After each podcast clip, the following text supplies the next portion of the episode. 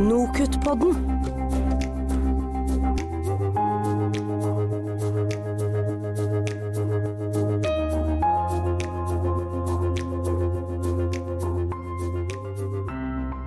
Nokutt-podden. Hjertelig velkommen til en ny episode av eh, Nokutt-podden. Hatt en liten eh, sommerferie, nå er vi tilbake igjen.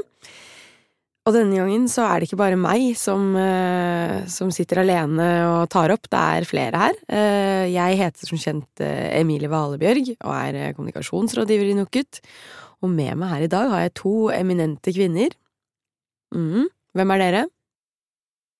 Jeg heter Inger-Lise Kalviknes Bore, jobber i NOKUT, um, der jeg for tida arbeider med den internasjonale rådgivende gruppa for de nye grunnskolelærerutdanningene. Ja, jeg heter Eirin Kristiansen, forholdsvis ny i NOKUT. eh, Er eh, en selvutnevnt undervisningsentusiast. Og jobber nå med praksis, og kartlegger praksis i høyere utdanning og tilsyn. Spennende. Velkommen til dere to. Veldig glad for at dere er med, med oss. Jeg tenker at eh, vi må begynne å snakke litt om hva vi skal snakke om i dag. Fordi i går så la NOKUT frem en rapport til glede og besvær praksis i eh, høyere utdanning. Eh, I den forbindelse arrangerte vi et frokostmøte.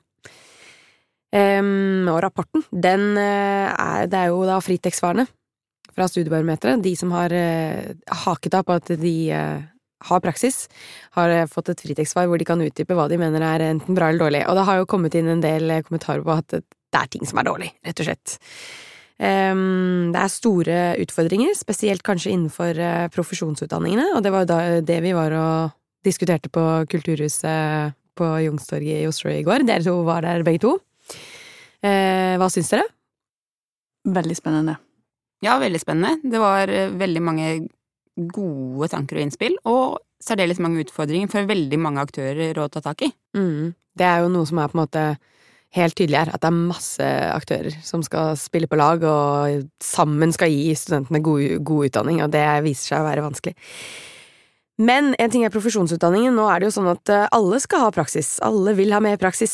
Studentene vil ha mer praksis, eh, rektorene vil ha mer praksis, og ikke minst eh, regjeringen vil ha mer praksis. Og derfor inviterte vi også det som er dagens gjest i dag. Hun var også på scenen i går på Kulturhuset. Eh, Nemlig eh, professor i statsvitenskap og undervisningsleder Tora Skodvin ved Universitetet i Oslo. Eh, Velkommen til deg. Takk skal du ha. Veldig hyggelig å bli invitert.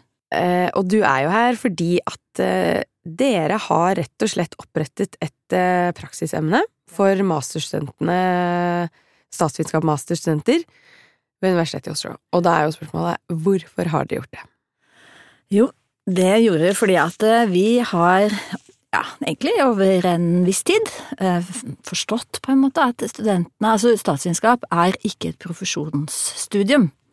Og eh, de som studerte statsvitenskap, fant ut at det var ikke alle som egentlig var helt Eller de klarte ikke å artikulere hva slags kompetanse og hva slags ferdigheter de hadde etter studiene, eller hva de liksom lærte på studiet.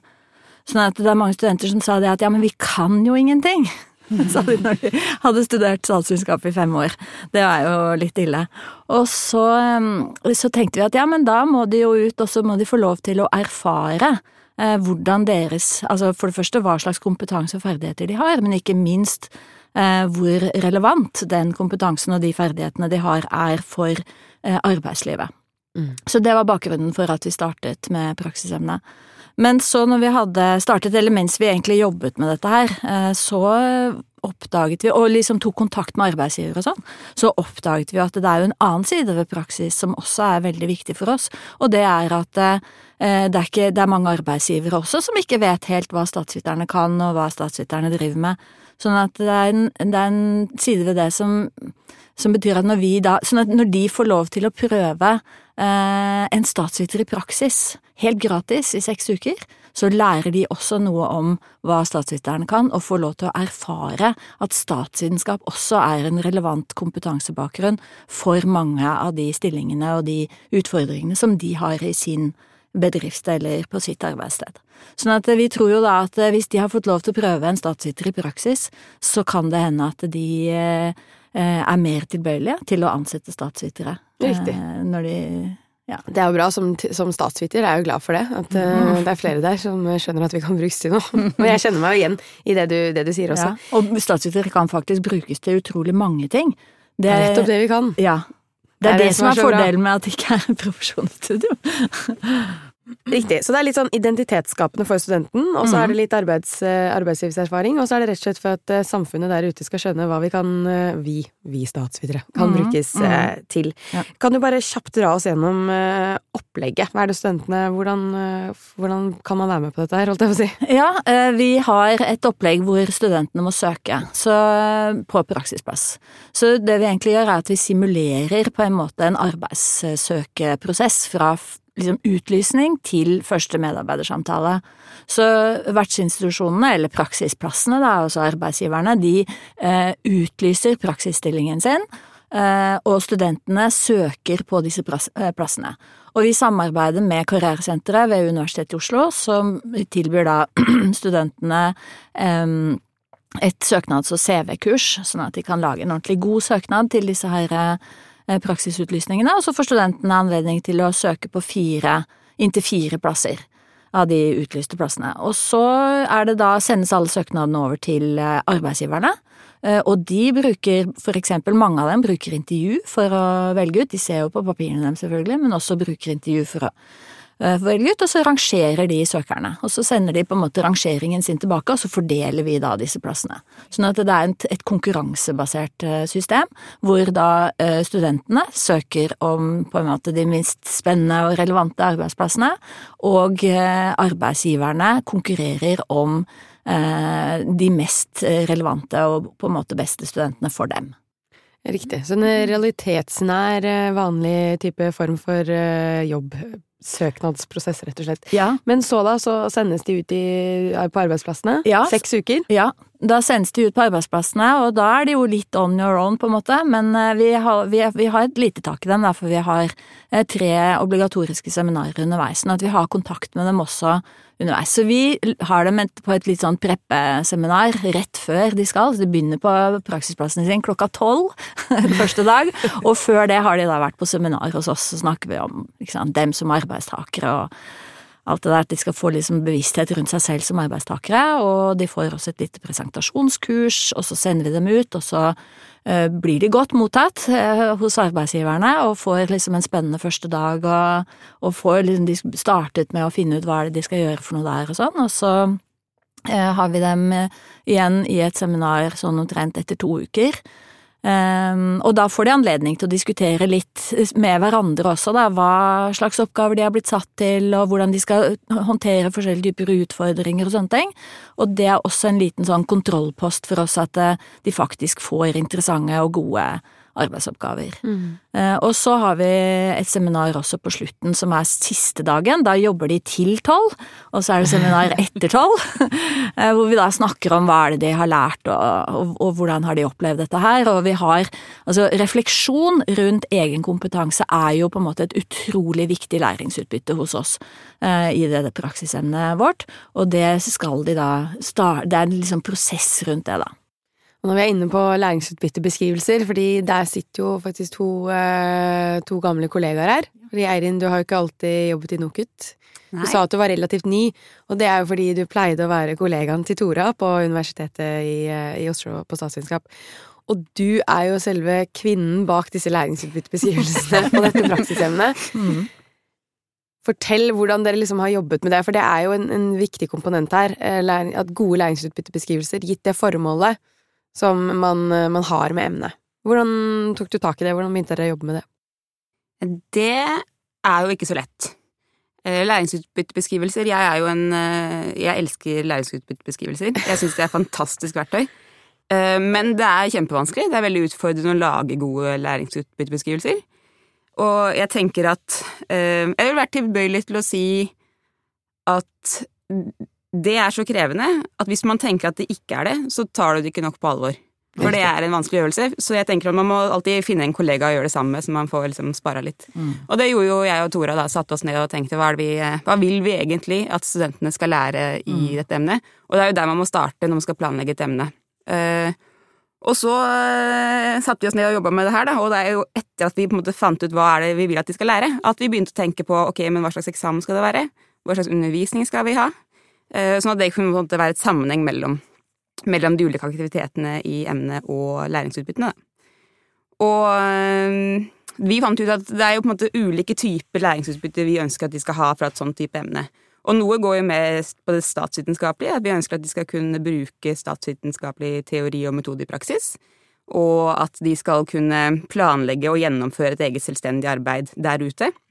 Så for å på en måte få til det, så lagde vi læringsutbytte for dette, og så har vi jo da krevd at de i første uka i praksis må sammen med arbeidsgiver sette seg ned og lage et prosjekt eh, sammen, som på en måte skal være deres prosjekt når de er ute. Og så har vi jo en del læringsutbytter som på en måte handler mer om det å reflektere rundt egen kompetanse. Hva er min kompetanse som arbeidstaker? Hva er min kompetanse som statsviter? Eh, og så, for å kunne på en måte lære dette her, så trenger du en arena å lære det på, og det er jo der undervisningen kommer inn. Det å kunne reflektere rundt hva er det jeg, hva er det jeg sitter igjen med etter å ha vært i praksis. Ja, det er disse seminarene som Tora refererte til. Yes. Ja. Og det er der vi på en måte går inn på, som hun sa, hvem er eh, eh, Hva er min kompetanse? Hva er det jeg har lært? Hva har jeg tilført arbeidsplassen av kompetanse? Eh, og så har vi da, når vi da samler studentene sammen, så må de gå gjennom og tenke hva er det jeg, hva er det jeg byr på på min arbeidsplass? Men de må også da snakke med alle sine medstudenter og se på hva er det de tilbyr av sin kompetanse på deres arbeidsplasser. Og sånn sett så prøve å bygge en slags identitet på hva er det statsvitere kan, eh, ja, og hva kan de brukes til. Og så har vi jo også eh, en annen del av læringsutbytten som handler om mer om det å kunne samarbeide, eh, det å kunne kommunisere godt, det å kunne presentere muntlig har vi jo også fått opp og frem som en viktig ferdighet. Så faktisk så må studentene etter første uka så må de levere en, et uh, mobilopptak, en film, hvor de presenterer da dette her prosjektet som de skal ha. Både for å på en måte sende oss informasjon om hva slags statsvitenskapelige ting de skal gjøre, men også for å øve seg på det å presentere, før de da kommer til eksamen, som blant annet er en muntlig eksamen, så de må presentere det de har gjort. Og da får man på en måte trent seg litt på det, og så får de tilbakemelding fra sine medstudenter da, på den, på den presentasjonen. Så prøver vi liksom Ja. Så sånn har vi egentlig jobba med det. Mm. Og da er jo læringsutbyttene på en måte der vi starter for å, for å på en måte finne ut av hvilke valg vi skal ta på undervisning og, og vurdering. Mm. Har dere måttet gjøre mye endringer, Tora? Eller liksom, Nei. hvordan ligger det an i dag? Absolutt ikke. Jeg føler at det arbeidet som vi, og særlig Eirin, gjorde på dette her når vi starta med praksisemne, det står fortsatt. Og det som er så fantastisk med å ha Altså, de læringsutbyttene som vi har spesifisert, på en måte, er veldig godt gjennomtenkt. Eh, og det har vært en bevisstgjøringsprosess for oss. Eh, Ikke sant? Hvorfor er praksisemne viktig? Fordi det er faktisk ganske ressurskrevende å ha praksis. Sånn at eh, det er noe man virkelig må ønske å gjøre. Fordi det tar administrative ressurser, og det tar Ja, det tar mye tid, på en måte. Um, Så det er en veldig viktig bevisstgjøringsprosess internt. eh, Og det er eh, selvfølgelig veldig viktig for studentene å forstå hva er det man på en måte kan få ut av et sånt emne. Hvis jeg melder meg på og får praksis, hva lærer jeg da, og hvordan kan det være til nytte for meg? Eh, Og så er det jo kjempeviktig i kommunikasjonen med arbeidsgivere. Eh, Og det er både selvfølgelig etter at eh, studentene, eller når studentene er der, så skal arbeidsgiverne selvfølgelig vite hva er det vi, hva er det de, hva er det, hvorfor er de der? Hva er det vi vil at de skal liksom gjøre, og hva er det vi vil at de skal lære? Men faktisk også i rekrutteringen av arbeidsgivere har jeg opplevd at de læringsutbyttebeskrivelsene er kjempeviktige, fordi vi kan komme til arbeidsgiverne og si dette er det vi vil at studentene skal ut av dette her. Og for å komme dit, så må dere legge opp sånn og sånn og sånn. Så, så det er altså et så fantastisk verktøy. Eh, så- og når det er gjort bra, så eh, ja, så sitter det. Så man bruker tid på læringsutbyttebeskrivelser. Ja, det må man. Eh, vi skulle sikkert snakket lenge om læringsutbyttebeskrivelser. Det kan man jo holde på med lenge, som du var inne Det på. burde dere ha en egen podkast på. Ja, læringsutbyttebeskrivelseepisoden. Men um, dere må bare snakke kjapt om dette her med For det snakket vi jo litt om under frokostmøtet i går, Tora. Dette med vurdering. Ja. Hvordan vurderes studentene etter at de er uh, ferdig? Altså, det er som Eiren sa, at de må lage et prosjekt med arbeidsgiverne. Det opplevde vi at det opplevde faktisk at de alle gjorde. Veldig mange spennende eh, prosjekter. Og, eh, og så hadde vi den, et sånt opplegg hvor de skulle da skrive, gjøre et skriftlig arbeid på en måte til arbeidsgiveren som skulle være relevant for arbeidsgiveren, og det skulle også være en del av vurderinga. Uh, og, og det eh, Altså, det var veldig fint at de hadde Vi definerte et sånt prosjekt, men det å ha det som en del av vurderinga fant ut at det var litt vanskelig, fordi at det, Altså, det er faktisk ganske spesifiserte arbeidsoppgaver de får, som er ganske særegne for de bedriftene de er i, og det kan være ting som vi egentlig ikke vet veldig mye om. Eh, og det var kjempespennende, kjempespennende å lese disse rapportene, og det er veldig imponert over alt de har gjort og alt de får til og alt de har lært. Eh, men som vurderingsform så fant vi ut at det er ikke helt optimalt, at vi som sitter der og egentlig ikke vet noen ting, eller mye mindre i hvert fall, om både prosjektet og, og, arbeidsplassene, skal sitte og vurdere disse skriftlige arbeidene, ble litt sånn proforma.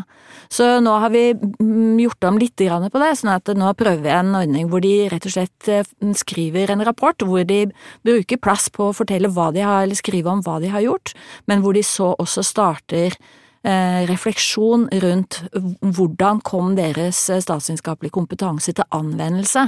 Hvordan brukte de på en måte den bakgrunnen de har i gjennomføringen av dette prosjektet? Og sant, hvordan klarte de å stole på at eh, den, den ballasten de har fra statsvitenskap, faktisk er Eh, tilstrekkelig for å løse det, sånn at de bruker eh, nettopp disse her eh, metodene og teoriene som de har fått fra statsvitenskap, til å løse de utfordringene som de får i, i arbeidslivet, og det, eller hos arbeidsgiveren, da. Og det er der jeg føler at vi virkelig kunne se lysene plinge over hodene på studentene. Når de kom til arbeidsgiveren, fikk en oppgave og tenkte guri, hvordan skal jeg gjøre dette, jeg vet jo ingenting om denne bedriften her, og så tenkte jeg ok, jeg har jo, vi kan jo, jeg kan jo gjøre det sånn, jeg kan gjøre det slik. Jeg lærte jo det der og der, og kanskje det funker hvis jeg liksom bruker det her, og så opplever de at det ja, det funker som bare rakkeren.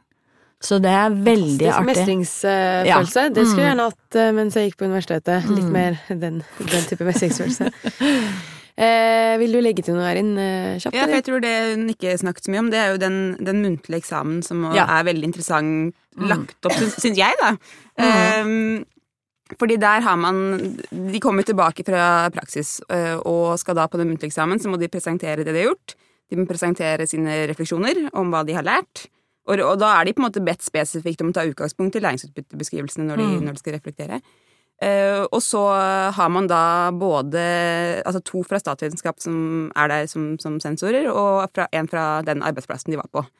Og så vil du da, etter at de har presentert sitt arbeid, så stiller man spørsmål, og så har man til slutt en slags medarbeidersamtale, mm. hvor, eh, hvor, den arbeidsplassen må gi tilbakemelding til studenten, og studenten kan gi tilbakemelding tilbake til arbeidsplassen, da. Og det er jo også en måte Det er jo en viktig del av arbeidslivet, det med medarbeidersamtale, men det er jo også en måte å få eh, gitt tilbakemelding på arbeidsplassen på hvordan de kan bli flinkere i neste runde, og, og studenten kan ta med seg noe nyttig videre i neste jobb de skal på. Så ja. Veldig viktig at du sier det, fordi det er jo egentlig den muntlige som er den ordentlige vurderingsformen. Altså Rapporten er også selvfølgelig viktig, og spesielt nå, det vet vi jo ikke ennå, men vi har jo ikke praktisert ennå, men med at refleksjonen på en måte kommer inn i den rapporten. Men det er eh, den muntlige samtalen, på en måte, for jeg vil ikke si egentlig det er en muntlig eksamen, det er jo, dette er jo bestått og ikke bestått, liksom, det er jo ikke Men eh, den muntlige samtalen, det, det er den viktige eh, vurderingsformen i dette emnet. Mm. Dere har snakket litt om hva som må ligge i bunnen for et sånt praksisemne. Eh, NOKUTs forskrift krever at det skal være en formell avtale mellom lærestedet og praksisstedet. Hvordan har dere brukt en sånn avtale for å avklare for eksempel um, forventninger, um, ansvar og sånn? Mm. Så vi har, en, eh, vi har, to kontrakter. Vi har en slags rammekontrakt som vi inngår på en måte med hver arbeidsgiver én gang, ikke sant. Første gangen de er med som praksisplass, eller arbeidsgiver for våre studenter, så inngår vi en sånn rammeavtale. Og det er på en måte de mellom oss, altså som institutt, og arbeidsgiveren. Og de avklarer også sånne ting, litt av det som vi snakket om eh, på frokostmøtet i går også, om forsikringer og at hva, hva liksom studenten skal tilbys av eh, eh, kontorplasser, og hvem som har ansvar for ting og tang. Og det er det også de juristene på universitetet har har vært involvert i, og sikkert juristene hos arbeidsgiverne har vært involvert i. Så det er ordentlige kontrakter som på en måte har vært gjennom en prosess med folk som kan sånt, da. Og så har vi en eh, kontrakt eh, som inngås mellom arbeidsgiver og student og institutt, altså alle tre partene, på en måte, som er mer retta mot øh, hva studenten skal gjøre i praksisoppholdet. Sånn at øh, vi opplever det Det er jo ganske generelt fortsatt, men det er i hvert fall mer konkret. At sant, man har spesifisert øh, noen sånne mer konkrete arbeidsoppgaver som studenten skal, skal ha underveis i praksis så sånn sett så er det en form for kontroll, men det er klart, ja. Ja, det er en form for kontroll, for det er, fordi det arbeidsoppgavene som spesifiseres er konkrete nok til at vi kan si at her har dere ikke eh, tilfredsstilt, eller her, ikke sant, dette er et brudd på kontrakten hvis studentene kommer hjem og sier at vi måtte gjøre, ikke sant, vi sto på kopirom hele tiden eller noe sånt nå, så er ikke det bra. Men det har ikke skjedd? Nei, det har ikke skjedd. Ja, det er bra. Snarere tvert imot, altså. Fy søren, de får så mye spennende ting å holde på med, altså. Virkelig flott uh, tillitserklæring, det syns jeg virkelig, altså. Jeg er skikkelig imponert, er du ikke enig, Eirin? Jo, jeg er veldig enig. De er utrolig hva de får bryne seg på av ja. oppgaver. Så det syns jeg har vært Det er også en veldig positiv Altså, det er positiv opplevelse at studentene klarer det, men det er også en veldig positiv opplevelse at arbeidsgiverne, når de først har sagt ja, har, noen av dem har vi jobba ganske lenge med for å få inn i praksisordninga, og når de først har sagt ja, så jobber de skikkelig seriøst, altså, med de studentene og gir dem ordentlige oppgaver. Vi var litt inne på det med kontroll, en sånn kontrakt kan på en måte være med å regulere noe. Eh, men det er et med kvalitetssikring, da. NOKUT er jo veldig glad i kvalitetssikring, eh, så vi må jo snakke, om, snakke, litt om det. Nei, men eh, jeg tenkte på hvordan, hvordan vet dere at studentene har fått et godt utbytte, eller sånn dette med mm. Ja, det er kjempevanskelig, altså. Og det er jo ikke noe, hva skal jeg si, objektivt mål. Det er ikke sånn at vi kan liksom se det i et eller annet, at vi kan gi dem en prøve, og så ser vi det, på en måte. Men altså, vi har jo disse kontrollpostene, og muntlig samtalen syns jeg også er en veldig viktig sånn kontrollpost, for der ser du også noe med samspillet mellom student og arbeidsgiver i den samtalen. Um, men, men hovedverktøyet er jo at de gir evalueringer. Studentene vi har, ikke sant, dette er jo et emne som selvfølgelig altså er gjenstand for evaluering hver eneste gang det tilbys. Alle studentene svarer på et evalueringsskjema og forteller hvordan de har opplevd det, og i hvilken grad de har hatt et læringsutbytte, og der står også spesifisert selvfølgelig læringsutbyttene. Føler du at du har lært dette her, ikke sant? Mm. Um, og så har vi også et uh, evalueringsskjema som arbeidsgiverne skal uh, fylle ut, som er litt sånn hvordan de har opplevd det, og om de kunne tenke seg å bli med videre, og ja. Vil du legge til noe, eller? Nei, det er som, eh, som Tora sier, at evalueringene er jo veldig viktige, og ikke minst at vi får kontrollert underveis i seminarene, da, sånn at ikke de går hele praksisperioden, og så skjønner vi først til slutt at dette fungerte ikke. Men det er klart at det vil jo være en av de større utfordringene med praksisemnene, er jo den dagen du oppdager at den arbeidsplassen der fungerer ikke. Ja. Og så hvordan skal du da håndtere den samarbeidet der sånn. Den eh, eh Det har vi jo diskutert litt, men det har heldigvis ikke vært et kjempeproblem. Men den mm. ser jeg at kan komme. Mm. Ja. Ehm, du var inne på det i sted, at liksom, eh, hva kan en statsviter, og vet arbeidslivet hva en statsviter kan, mm. når statsviter nesten ikke vet det selv. Det kan jo eh, Det er jo ofte sånn at man snakker om at eh, praksis skal være liksom bøte på den mangelen på arbeidslivsrelevans som studiet har. Kan man si at man på en måte bruker praksis til å informere arbeidslivet ved å liksom låne ut studenter hva disse faktisk kan? Altså er det er det liksom et tegn på at den der tette kontakten mellom institusjonen og arbeidsliv liksom, den er ikke så lett å få til, så da kan mm. praksis være en måte å ja, altså, ja, det syns jeg absolutt at eh, det er en veldig viktig mekanisme. Jeg syns ikke det er veldig rart, egentlig, at eh, liksom alle deler av arbeidslivet ikke, sant, ikke er 100% oppdatert på hva vi driver med, holdt jeg på å si, opp på Blindern. Det syns jeg egentlig ikke er overraskende. Og, og, og sant, det som jeg syns er veldig viktig nå, altså fordi i offentlig sektor er det innmari mye statsvitere. Eh, så, så, det er, ja, så det er ikke et veldig stort problem eh, i offentlig sektor at man ikke vet hva statsvitere driver driver med, for der sitter det ganske mange statsvitere. Det er eh, andre steder, det kan være litt grann kanskje i organisasjonslivet, men særlig i næringslivet. Eh, Nå begynner det å komme flere statsvitere inn der òg, men det er der jeg liksom føler Det er der på en måte at denne effekten kanskje kan være størst. Eh, Og, og, og, og, Hvis du tenker deg de som sitter i lederposisjoner i mange næringslivsbedrifter nå for tiden, altså de eh, Samfunnet har jo Det har jo skjedd ting, kanskje, siden de studerte, og eh, og em, det kan, og det er utviklingstrekk som gjør på en måte Altså det har skjedd ting både med faget statsvitenskap, men det har også skjedd ting i samfunnet som gjør at statsvitenskapen er mer relevant for flere eh, typer av, um, av bedrifter. Så jeg, jeg føler ikke at det er liksom et sånt eh, eh, svakhet, altså at det liksom er et sykdomstegn, at ikke de vet akkurat hva statsvitere driver med. Eh, men jeg syns det er veldig fint at vi kan få anledning til å, å hjelpe dem til å forstå, da, ved at de rett og slett får lov til å prøve en statsviter i praksis.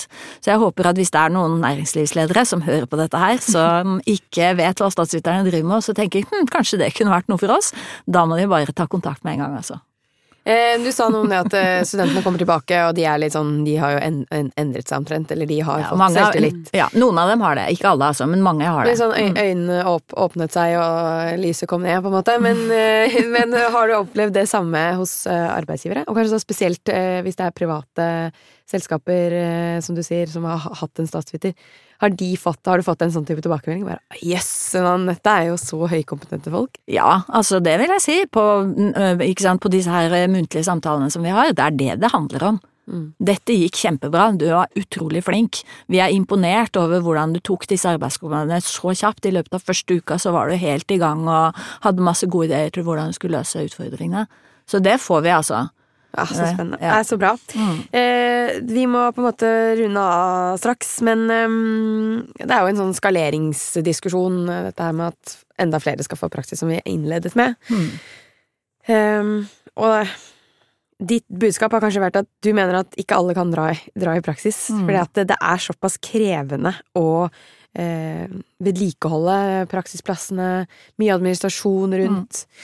Ehm, så egentlig så er jo spørsmålet litt sånn kan, er det, Lar det seg gjøre å for eksempel si at man skal gjøre det samme på eh, bachelor statsvitenskap, da? Og si at man skal sende ut Mm. 300 bachelorgradsstudenter i praksis? Det er helt klart et ressursspørsmål fra vår side, men jeg tror også, fordi dette her handler jo En ting er bachelor, jeg tror kanskje bachelorstudentene også kunne hatt utbytte av å gå i praksis, altså. Og jeg tror også at arbeidsgiverne kunne hatt utbytte av å ha bachelorstudenter eh, hos seg, og da kanskje et mer eksplisitt, på en måte, hva skal jeg si, utdanningsformål, på en måte. Eh, men, eh, men når det gjelder, fordi dette her med praksis, den virkelige diskusjonen, det er jo skal dette gjøres obligatorisk også for sånne fag som statsvitenskap? Eh, og det er jeg veldig, veldig kritisk eller skeptisk til. Altså det tror jeg ikke er egentlig en god idé. Og da er det viktig å huske på at vi har hatt veldig, veldig positive med vår praksisordning, men vi har hatt 26 studenter i praksis hadde vi i vår, og vi var kjempefornøyd med det. På statsvitenskap masterprogrammet så har vi 110 studenter, og jeg klarer ikke å se for meg at vi skulle klart å skaffe eh, relevante arbeidsplasser for alle de 110. Eh, Sånn at i, i den, liksom med den problemstillingen så syns jeg det er Da må man huske på at det er veldig For at dette skal være en, en god ordning, så må man ha motiverte studenter, og man må ha motiverte arbeidsgivere. Og jeg tror ikke det er så lett å opprettholde den motivasjonen hvis man skal på en måte gjøre dette for 110 studenter. Men at man skal kunne ha en praksisordning, en sånn frivillig basert praksisordning, eh, også for bachelorstudenter, det, det, det ser jeg absolutt ikke bort fra, men det må da, da må vi på en måte organisere det på en annen måte som er tilpassa nivået til bachelorstudentene, så da må vi også tenke veldig grundig gjennom hva vil vi med en sånn praksisordning eventuelt, og da tror jeg kanskje vi må låne Eirin lite grann, sånn at vi kan få diskutert læringsutbyttebeskrivelse for et sånt emne eventuelt, og det er ikke noe vi vurderer å gjøre nå, altså bare sånn at det er klart. Klarer du klar du, Eirin? Ja da, ja da. Ja, ja. Rett opp på blinderen igjen. Ok, men da kan, jeg tenkte bare runde av med dette, dette spørsmålet. Da er det bare å hoppe inn til alle sammen. Men da er jo på en måte spørsmålet sånn Er praksis alltid svaret? Egentlig høres det ut som man da kan svare egentlig nei på det. Eh, hvordan skal man da få den forståelsen? Hva kan jeg brukes til som en statsviter? Uten å måtte dra ut, og omvendt. Altså få arbeidslivet eh, til å forstå hva hva en statsviter kan uten at man nødvendigvis har den ute i praksis. Det blir jo på en måte et avslutningsspørsmål, så jeg tenker at vi kan ta en runde på eh, rundt bordet her. Nei, men bare kast det inn, altså. Inger Lise, har du noen eh, gode tanker på det?